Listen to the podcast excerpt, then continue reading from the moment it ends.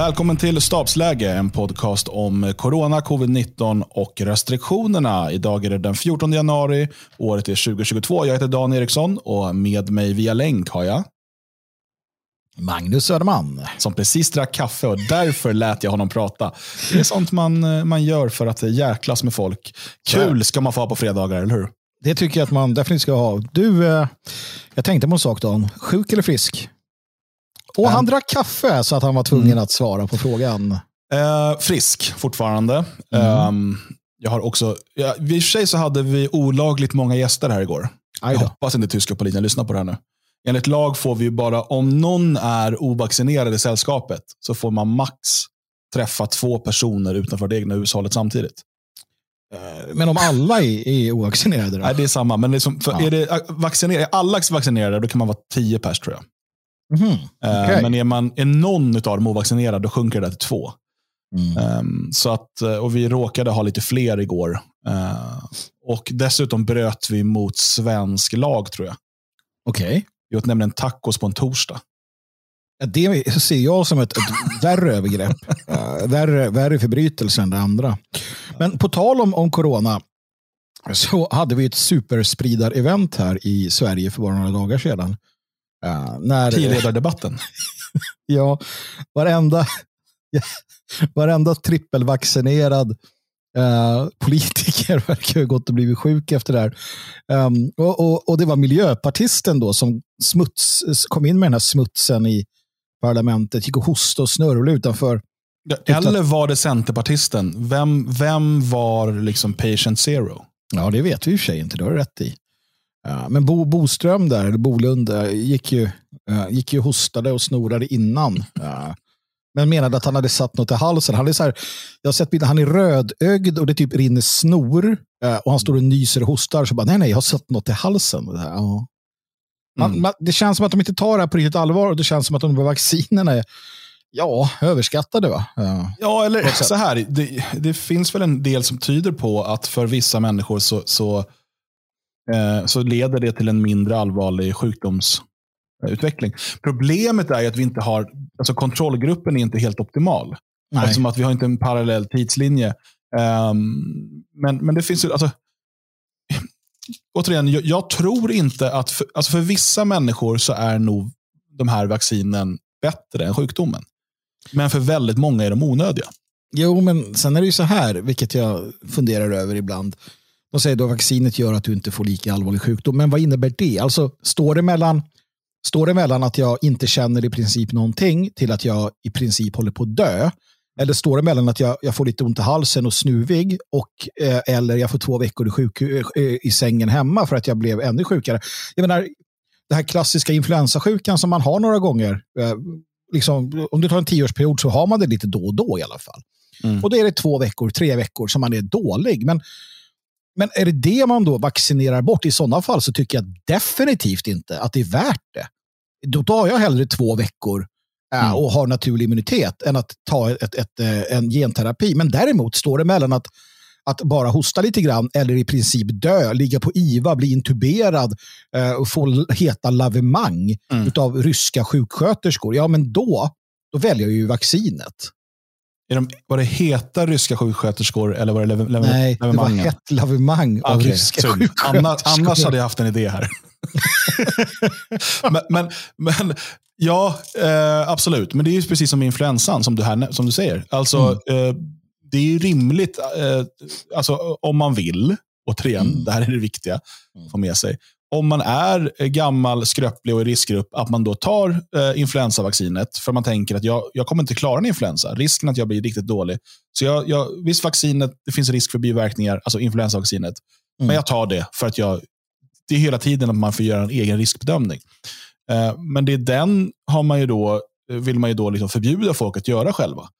Uh, och jag, så, så här, jag har uh, många vänner som har haft nu covid-19. Um, mm. Och de som blev riktigt dåliga, uh, det var ju i början. Det var ju nog den här alfa-varianten i stort sett.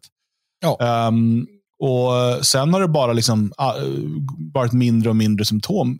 Några har liksom varit så här, ah, jag var däckad någon dag eller två. liksom. Och det var, det var tråkigt. Men, men då är frågan också den här. när vi, för du sa det, jag tycker det är kul för många säger det, att ja, snart, är, snart är det här som ett vanligt, eh, en vanlig säsongsinfluensa.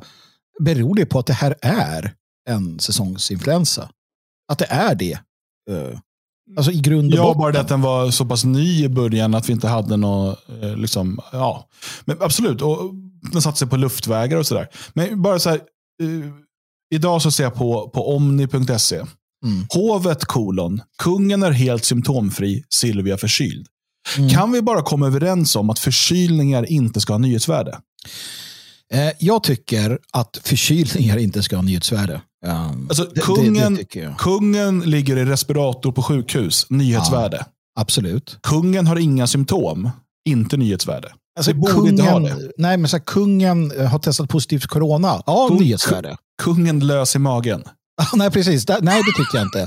Men så här, kungen, eh, kungen eh, måste transplantera njure. Ja, det, det är en Mm. det, det är väl en, en rimlig nyhetsvärdering. Jag tycker att vi borde göra hovets nyhetsvärderingar här för att, att kungen är symptomfri. Det är så här, jag vet inte, så här, Göran Ja, men, men det, är så här, det är en sak att hovet går ut med det, men det är ja, också därtill då att, att det blir media på det. Mm. Expressen plockar upp det etc. Mm. Eh, och Det är lite det här tänkte vi ska prata om idag. Liksom hur man nu ska se på, på vad det faktiskt är som sprids och vad det får för följd. Alltså, titta på IVA-belastningen vad det gäller covid-19. Det finns Mm. inget nyhetsvärde att prata om. Nej. Ehm, titta eh, på de symptom som liksom, de allra, allra flesta har, eller liksom till och med symptomfria. Det gör att antalet smittade är ointressant. Mm. Ehm, det har inget nyhetsvärde. Det, det har aldrig haft nyhetsvärde att liksom, eh, liksom varje dag rapportera hur många som är förkylda. Nej. Eller hur många som har ont i magen och så vidare. Det, och i, man, när man väljer då, valde till en början att klassa covid-19 som en samhällsfarlig sjukdom, eh, det ger en del eh, fler möjligheter att agera. Då gjorde man ju det i, i liksom, eh, dels med mycket mindre vetskap om vad det var för virus. Mm. Och dels hade vi en variant där, där folk utvecklade värre sjukdomar. Vi hade spridning på äldreboenden av den här varianten. Det fanns inget vaccin. Eh, man hade dålig koll på behandlingar. De behandlingar som verkade fungera, de, de tyckte man var dåliga. Ivermectin och så vidare. Mm. Um, så då, var man i ett helt annat läge. Idag är man ju eh, i ett läge där, eh, där man håller på att rapportera om förkylningar. Och Mm. Jag skulle vilja hävda att till viss del är det media som driver pandemin just nu. Ja, nu är det det, utan tvekan. Media och eh, ett antal eh, politiker som, som säger, vill, vill att det här ska, ska... Jag vet inte vad de vill riktigt, men visst är det så. Men jag ser också en annan trend. Förutom att hela narrativet har fallit samman över några dagar. Pang har det sagt. Men förutom det, Tegnell tycker jag visar sig mer nu. Jag tycker att jag hör mer av honom än jag har gjort under en period då politikerna klev fram. Jag läser nu till exempel, du var inne på om nu, där står det nu Uh, till exempel Tegnell, inte aktuellt med vaccinpass för restauranger. Um, och han säger nu att i dagsläget är det inte aktuellt att införa det på restauranger och gym. Mm. Um, alltså helt plötsligt är det så att, att eh, politikerna sakta backar tillbaka och eh, i det här fallet då Hell Tegnell, eh, epidemiologen, som har med sin fasta hand lett oss igenom denna pandemi, att han, att han kliver fram igen och liksom, ja, men jag hade ju rätt hela tiden. Liksom. Just det. Tegnell, Tegnell var ju också ute för någon dag sedan och sa att ja, när den här vågen liksom är över, när, det när siffrorna går ner, eh, då måste vi se över hur vi klassar covid framöver. Är det, Mm. Han- säger att det, att det kan definitivt vara dags. Det är Mm. lite dubbelmening i den. Det kan definitivt vara dags. Men, Mm. men jag förstår vad han menar. Han menar ju att det här måste kollas på efter huruvida det ens ska klassas som en samhällsfarlig sjukdom längre. Precis Mm. som um, infektionshuvudläkaren, professorn eh, Magnus Gisslén som vi talade om uh, här om avsnittet. eh, Just det, just från det. Sahlgrenska universitetssjukhuset. Ehm, och, och Det ser ju allt mer ut som att det, man går åt det hållet i många, i många länder. Och vi, vi nämnde det här också i tidigare avsnitt att varför man inför restriktionerna nu, det är med största sannolikhet inte för att man eh, tror att de kommer att ha så jättestor effekt, utan för att visa, alltså, ha någon typ av handlingskraft innan eh, vågen vänder neråt. Mm. Och tittar vi på till exempel Storbritannien som har haft sin omikronvåg så ser vi att den dyker neråt lika snabbt som den gick uppåt. Mm. Um, vilket nu också, uh, jag såg att i, i Bildzeitung i, i Tyskland um, så visar man på det uh, och intervjuar um, en, en epidemiolog, uh, en av de kändaste i Tyskland, som då säger, jag hittar den inte just nu, men han, han säger ungefär att ja, då är nog corona över. Mm. Alltså den här, den här um, kurvan och att den går så snabbt neråt visar på, det här är liksom drömsiffrorna. Mm. Um, och, och Tegnell är inne på liksom när kurvan går ner. Och det, det, är det man då, nu har man visat handlingskraft under den här tiden och så fort kurvan går ner då har man mycket mer data att titta på och kan säga att ah, det är inte längre en samhällsfarlig sjukdom. Mm.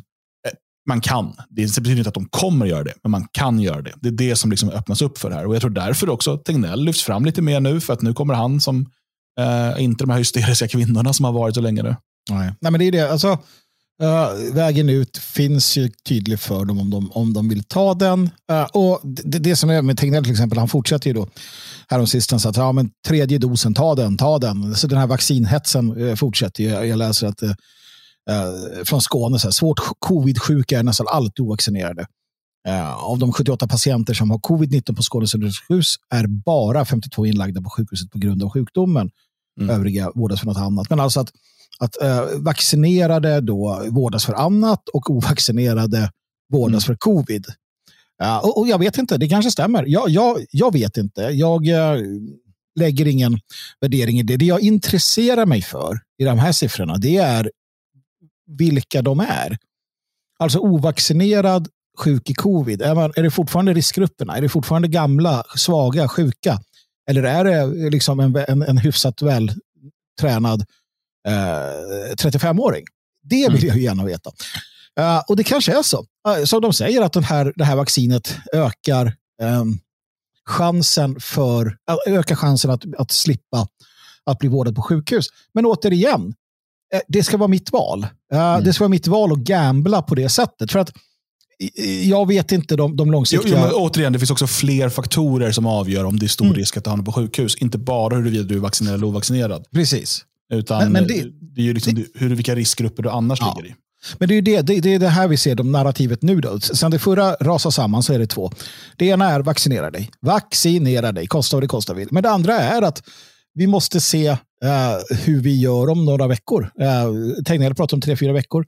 Och vi ser ju från land efter land efter land, förutom vissa länder, som faktiskt redan nu eh, börjar agera som om vi till våren kommer få höra pandemin är över.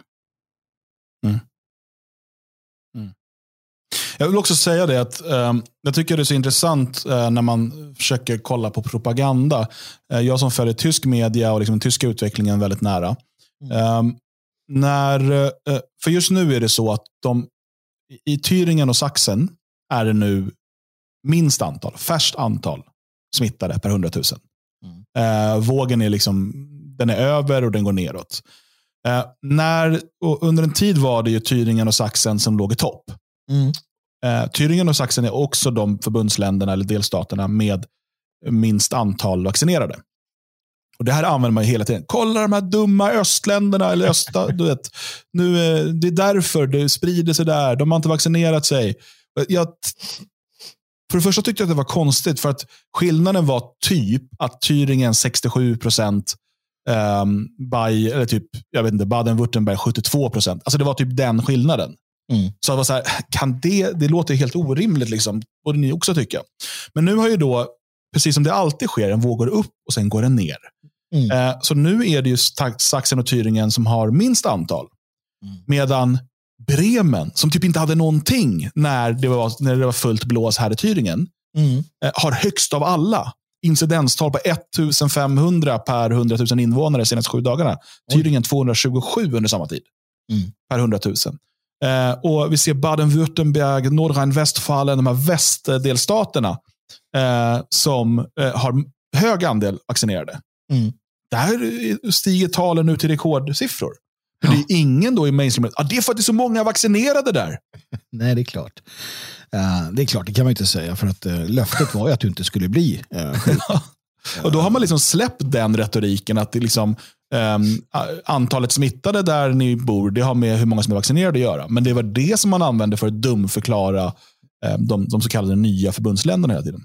Mm. Men det är det här också som, som blir en, en intressant sak eh, för de som brinner för det. Jag menar, när, när, så här kan man ju säga, när, när det hela börjar ebba ut framöver så, så kommer inte vi kanske eh, Eh, ägna oss sådär vansinnigt mycket åt att sammanställa siffror och göra rapporter. Men det finns människor där ute som är väldigt duktiga på det och väldigt intresserade av det. Och det kommer komma en eh, räfst, eller vad man säger, i efterhand. Det kommer eh, när, när det lägger sig ner och vi kan börja titta på hur det har agerats, vad som har sagts så tror jag att det kommer bli väldigt svåra frågor för väldigt många politiker att svara på. Jag, jag tänker bara så här om top of my head. Spanien uh, säger att nu får det vara nog. Eh, eh, uh, Mexiko, uh, nej, det, det, är klart. Storbritannien säger att om, om ett par, några veckor eller någon sådär så ska de sluta med, med covidpass. Um, återstår att se om allt det blir verkligt, men i alla fall. Men där har man börjat så att säga i Sverige. Men Tyskland, Australien, Nya Zeeland.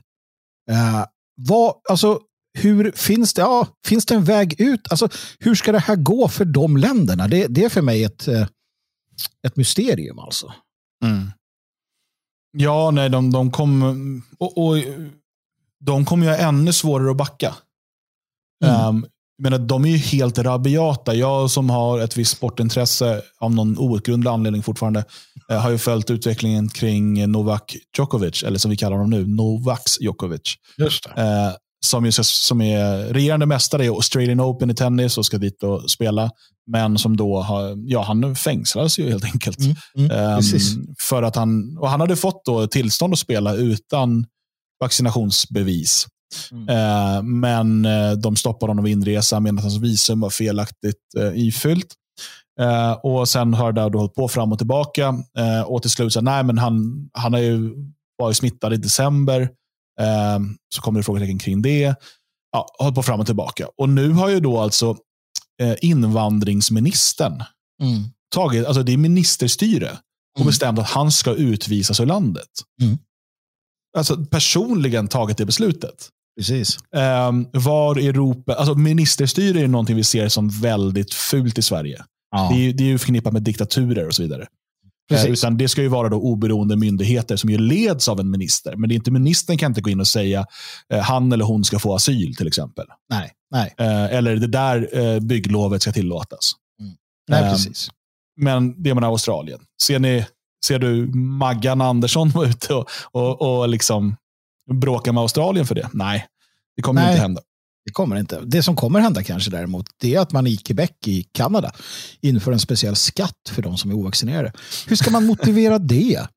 Uh, ja. När, ja, när man kan titta runt. Det, det, är också det att du kan ju inte hålla människor isolerade. Fråga Nordkorea. Det, det är fortfarande svårt där också, men de är rätt duktiga på det.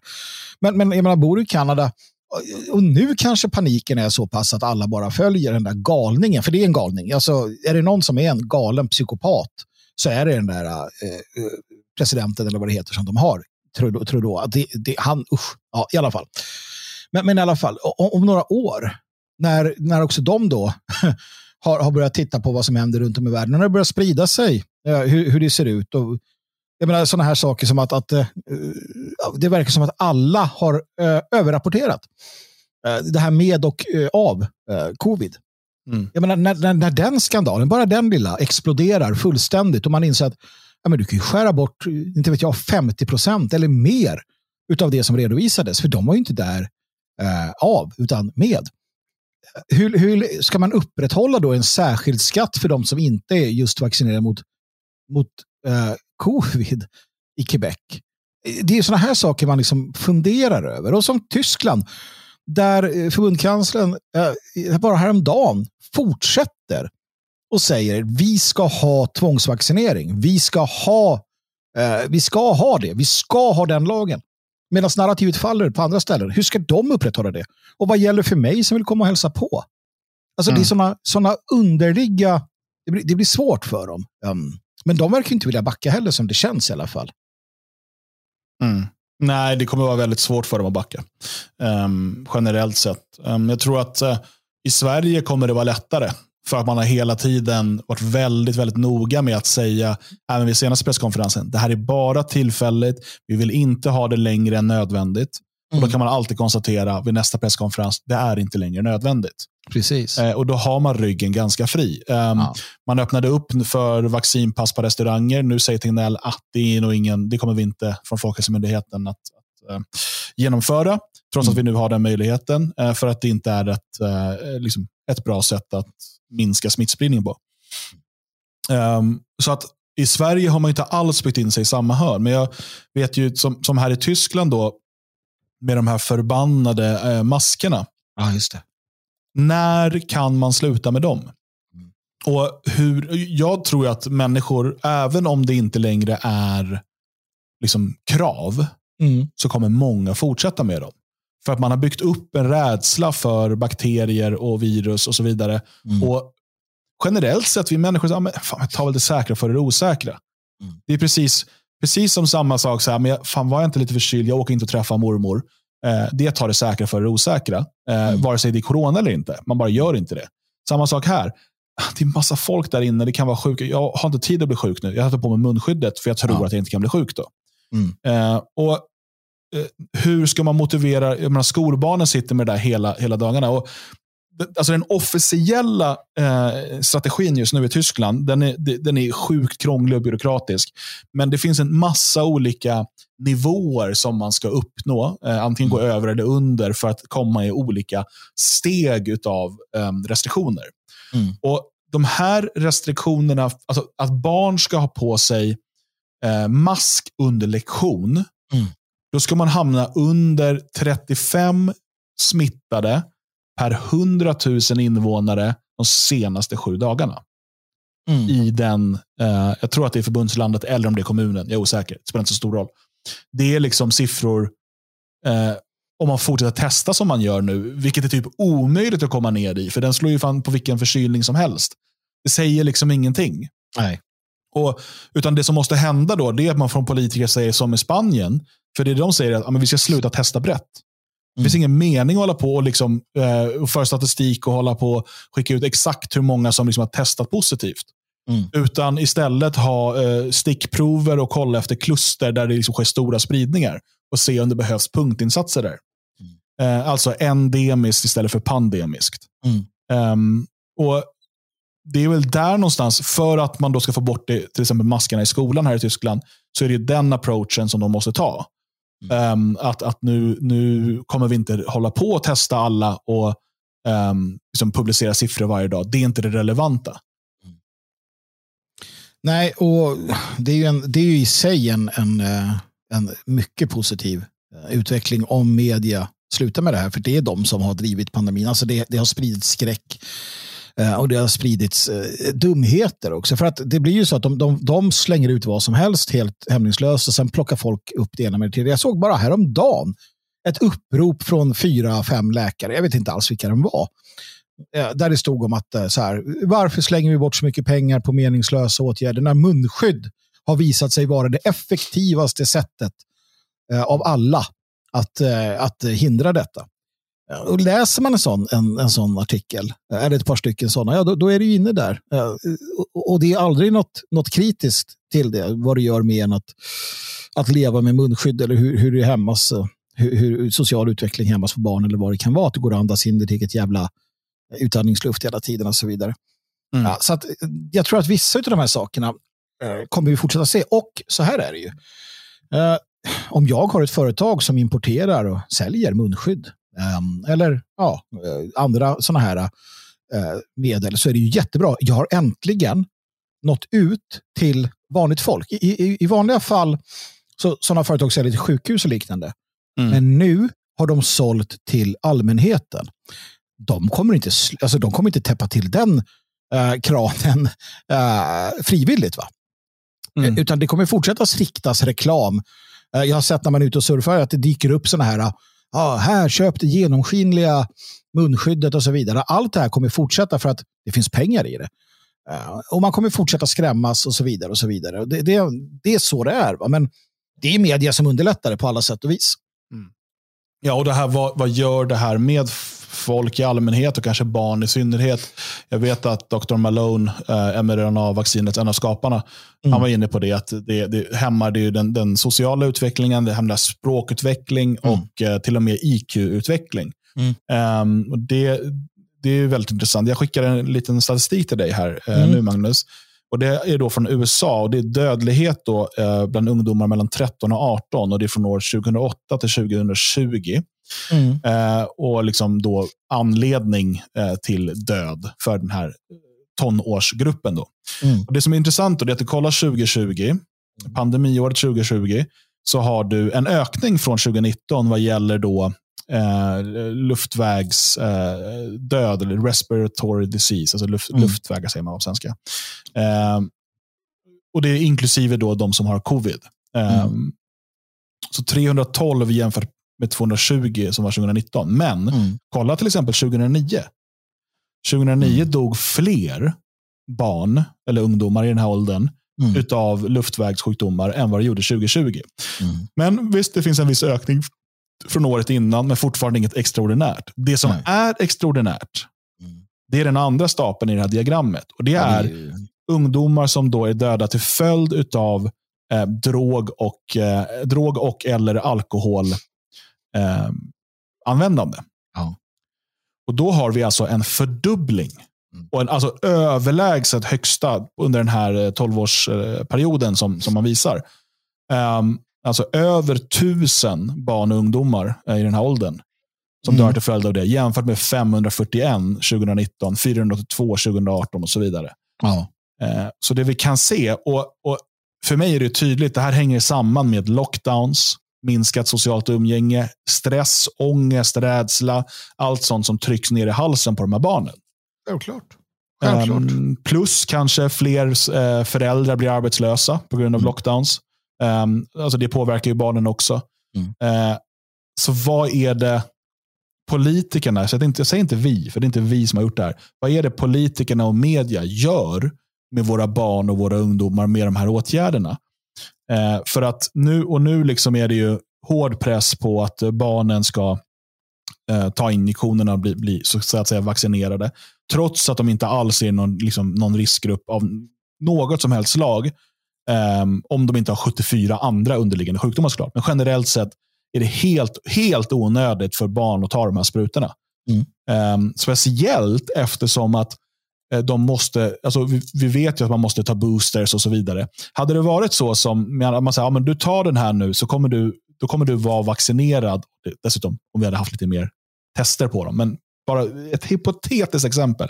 Mm. Du tar de här nu och då kommer du vara vaccinerad mot covid-19 i 20 år. Mm. Ja, och så får du fylla på med 20 år igen. Då finns det också mer rimlighet i det. Mm. Men att säga att du ska ta de här två sprutorna, sen ska du ta en tredje om ett halvår. Eh, eller vad det nu blir. Och sen en, kanske en till, kanske fem. Eh, för vad då? De riskerar i, liksom, i stort sett ingenting om de inte är i liksom, riskgrupper av annan anledning. Mm. Ja, men absolut. Ja. Nej, jag, jag vågar kalla det för, och jag tycker man ska kalla det för mord. Uh, det är skräckspridning, det är galna, uh, galna liksom påståenden och, och en hets utan dess like. Ehm, I det här fallet då i USA. Man har mördat eh, sin egen befolkning. Man har mördat eh, barn och unga mellan 13 och 18 genom att tvinga in dem i eller sådär eh, kratta manegen för, för det här. Det här är något man har vetat om. Det här, var vi, alltså det här har ju pratats tidigt om. och Efter förra lockdownen så sa man ju det. Alltså, mm ja, det här är från 2020, precis. Uh, hur ser 2021 ut? Mm. Liksom, ja, det är ju det också. Det, man vet ju det här och det har ju varnats för det på, på olika sätt och vis att det här leder till, till eh, fruktansvärda saker. Men eh, man har bara kört på. Um, och, och, tack och lov i Sverige har vi inte sett det här på samma sätt av det enkla skälet att vi inte har haft lockdowns. Lockdowns har utan tvekan dödat fler personer än covid i form av, i form av hjärt-kärlsjukdomar, stress. Så vi vet ju också, om man då ska, ja, och tittar vi mot tredje världen, um, så vet vi ju att eh, liksom, det här har ökat. Eh, den generella fattigdomen, svält, bristen, alltså bristen på tillgång till rent vatten, alla de här sakerna som man så ofta pratar om. Mm. Uh, så att det, det, det, är väldigt stort, uh, stort mörkertal här och frågan är om vi någonsin får en, en fullständig genomgång av det, om det ens går.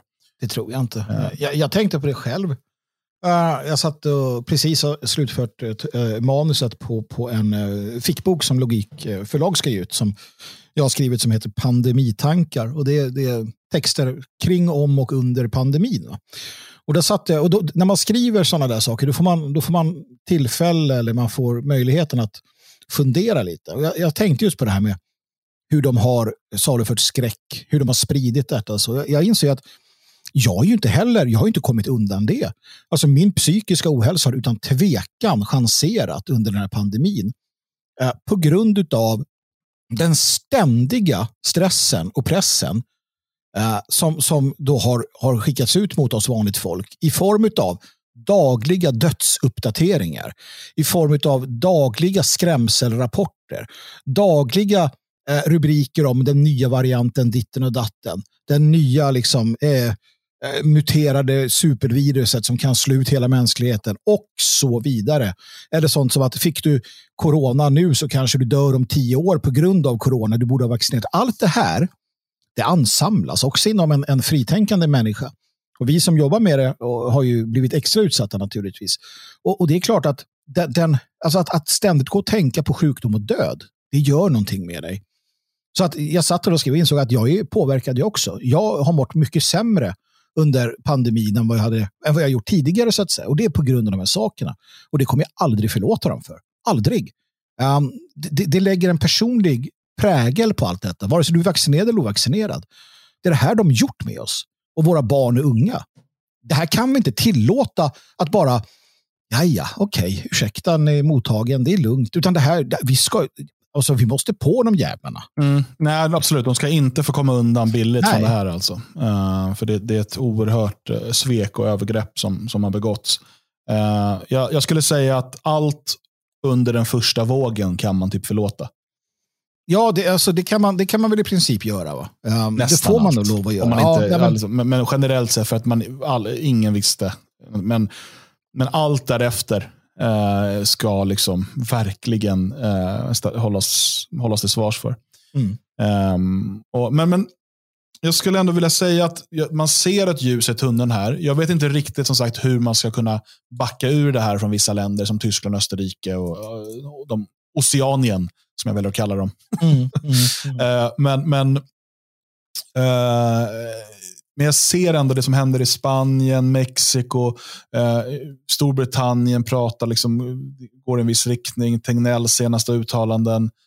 Om de nu inte hittar, eller hittar på, beroende på hur mycket foliehatt jag har på mig för tillfället, mm. en ny supervariant som är jättefarlig. Mm. Eh, så måste den här eh, liksom, så måste eh, väldigt många länder efter den här vågen säga att det här är inte längre en samhällsfarlig sjukdom. Det är mm. liksom det enda. Nu har vi blivit överraskade förut över hur politiker resonerar. Men, men, men ja, ja, det är liksom det enda jag kan se. Uh, och Nu har vi inte ens pratat om det som avslöjas i USA just nu rörande Fauci och DARPA och, och allt det här som Project Veritas har. Nej, precis. Men det får det, kanske bli ett avsnitt.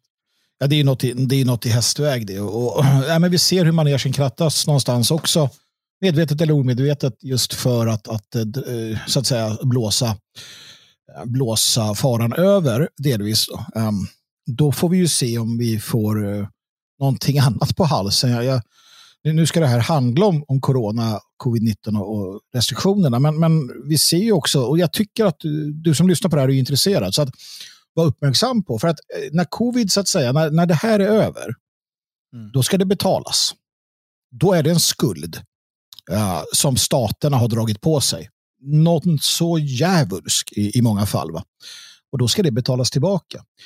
Uh, och jag blir lite orolig när jag ser den helt plötsligt från ingenstans nu. Uh, tilltagande hetsen uh, när det kommer till Ryssland, och Europa och USA.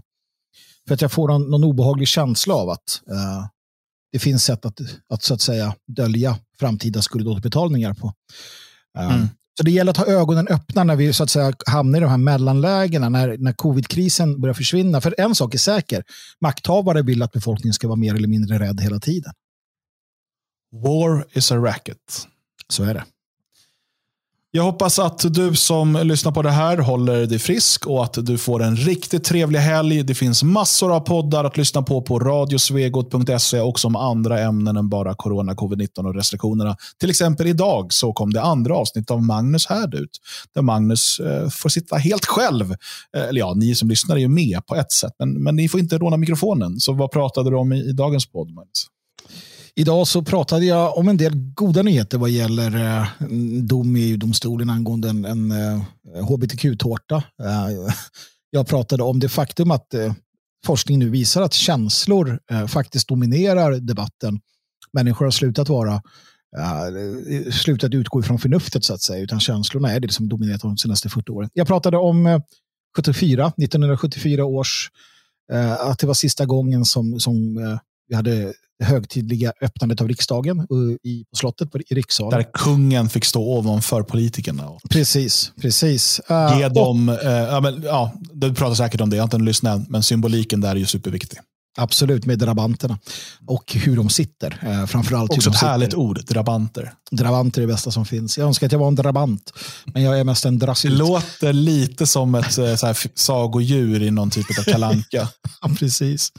Och sist men inte minst någonting som du och jag pratade om här om sistens faktiskt, som jag blev lite eh, fundersam kring och det är att barn inte ska behöva ta de vuxnas ansvar, vilket du och jag bland annat har fått göra genom tiden. Och nu är det upp till ta mig fan de vuxna att göra det de behöver göra. De vuxna, som att det är någon annan grupp än oss själva också.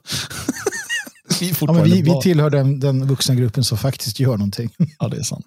Eh, på radiosvegot.se finns alla poddar. Eh, Magnus Härd finns också på till exempel Spotify. Nu önskar vi en trevlig helg.